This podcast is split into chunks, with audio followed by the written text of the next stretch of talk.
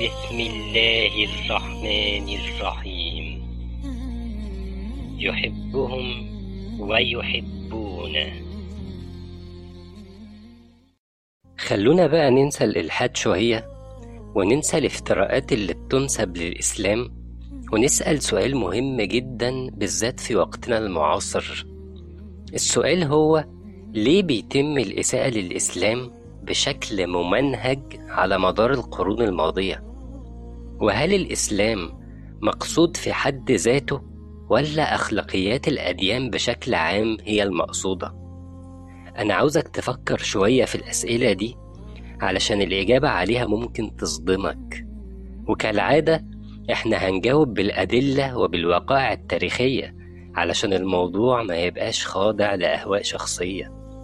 مبدئيا كده الإسلام بيتهاجم بشكل ممنهج علشان ظاهريا هو الدين الوحيد اللي لسه واقف على رجله وأتباعه لسه متمسكين إلى حد كبير بتعاليمه وأخلاقياته يعني إيه بقى ظاهريا؟ هو في دين تاني لسه واقف على رجله غير الإسلام؟ أيوة طبعا وعلى فكرة واقف على رجله دي مش معناها إن تعاليم الدين التاني ده عادلة أو محفوظة كما أنزلت إيه بقى الموضوع؟ الموضوع بمنتهى الوضوح والصراحة هو إنه قبل الإسلام كانت المسيحية هي الفريسة اللي انقض عليها أعداء القيم والأخلاق وشبه هدموها بسبب أخطاء كارثية وقع فيها القائمين على الديانة المسيحية على مدار مئات السنين وانتهاء بالقرن الستاشر زي ما قلنا قبل كده في الحلقة رقم 44 من موسمنا الأول ده واللي كانت بعنوان كيف ساهم المسلمون تاريخيا في انتشار الإلحاد. فرجاء اللي ما سمعش الحلقة دي يسمعها لو عايز يعرف أكتر إزاي أعداء القيم والمبادئ استغلوا الأخطاء دي لحد ما فصلوا الدين المسيحي عن الدولة وهمشوه. وبالتالي بدأت الأجيال الجديدة في أوروبا وفي معظم الدول الغربية تنفض عن المسيحية وابتدى فعليا انتشار الإلحاد بشكل مكثف. المهم لينا دلوقتي كمسلمين إنه بعد تهميش المسيحية بحكم إنها كانت الأكثر انتشارا في العالم وقتها انتقل التركيز على الإسلام بحكم كونه تاني أكتر الديانات انتشارا في العالم وقتها ولحد ما أصبح رسميا أكتر وأوسع الديانات انتشارا في العالم حاليا. كل ده برغم هذا الكم الهائل من الطعنات المتتالية اللي تلقاها الإسلام. وهنرجع لأسباب ده كمان شوية. لكن السؤال الأهم دلوقتي هو ليه في دين سماوي واحد بس لا يتعرض لأي هجوم أو انتقادات أو طعنات بل إن في قوانين في كل دول العالم تقريبا بتجرم المساس بالدين ده من قريب أو بعيد. وأي حد بيجرؤ إنه يهاجم الدين ده أو ينكر أي حاجة فيه أو أي واقعة من أحداثه التاريخية بيتم التنكيل بيه والقضاء عليه مهنيا ومعنويا. يبقى بديهيا كده في جهة ما عاوزة تهدم كل دين غير الدين المحصن ده لهدف ما مش موضوعنا دلوقتي. لكن بما إن الإسلام منهج كامل للحياة فهدمه أو تهميشه طلع لحد هذه اللحظة في التاريخ أصعب بكتير مما تخيل أعدائه. وعلشان كده تلاقي مؤخرا إن دعوات أعداء الدين انتقلت من الهجوم المباشر على الإسلام إلى محاولة فصله عن المجتمع.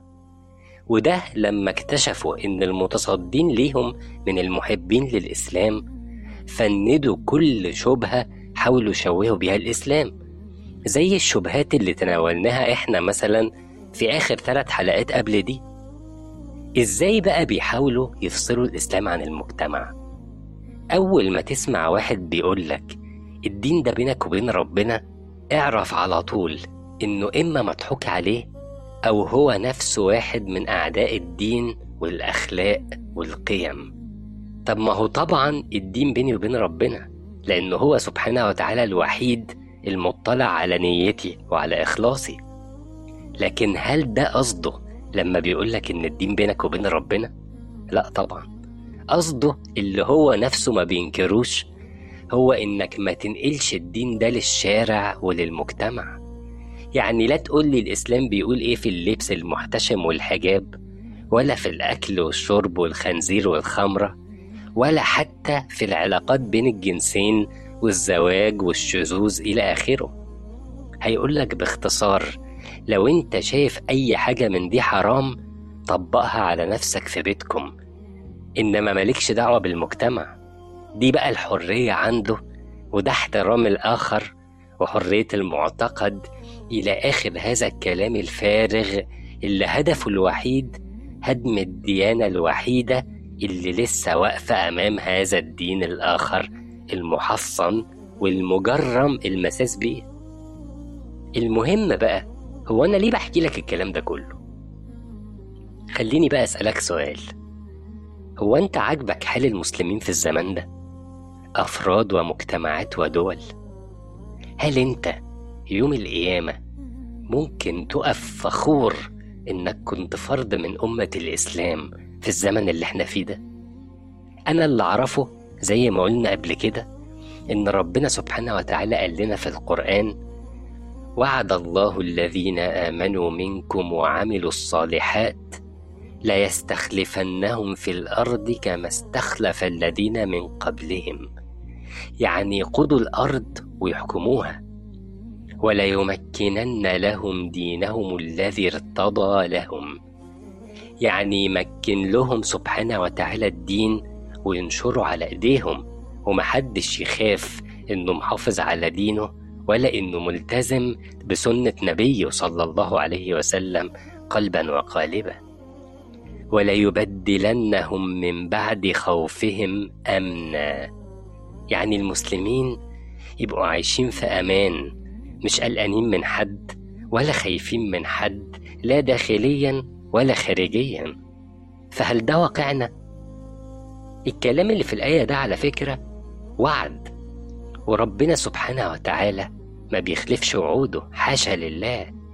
يعني هتعمل اللي في الآية دي ربنا هيديك التلات حاجات دول خلافة الأرض وتمكين في الدين والعيش في أمان.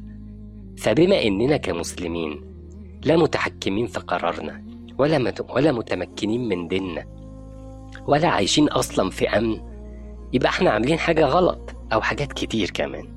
أهو الهدف من الكلام ده كله هو تصحيح المفاهيم الغلط دي اللي وصلتنا لكده.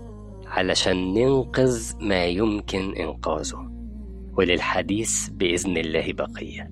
فاللهم لك الحمد على نعمة الإسلام وكفى بها نعمة. رب اغفر وارحم وأنت خير الراحمين.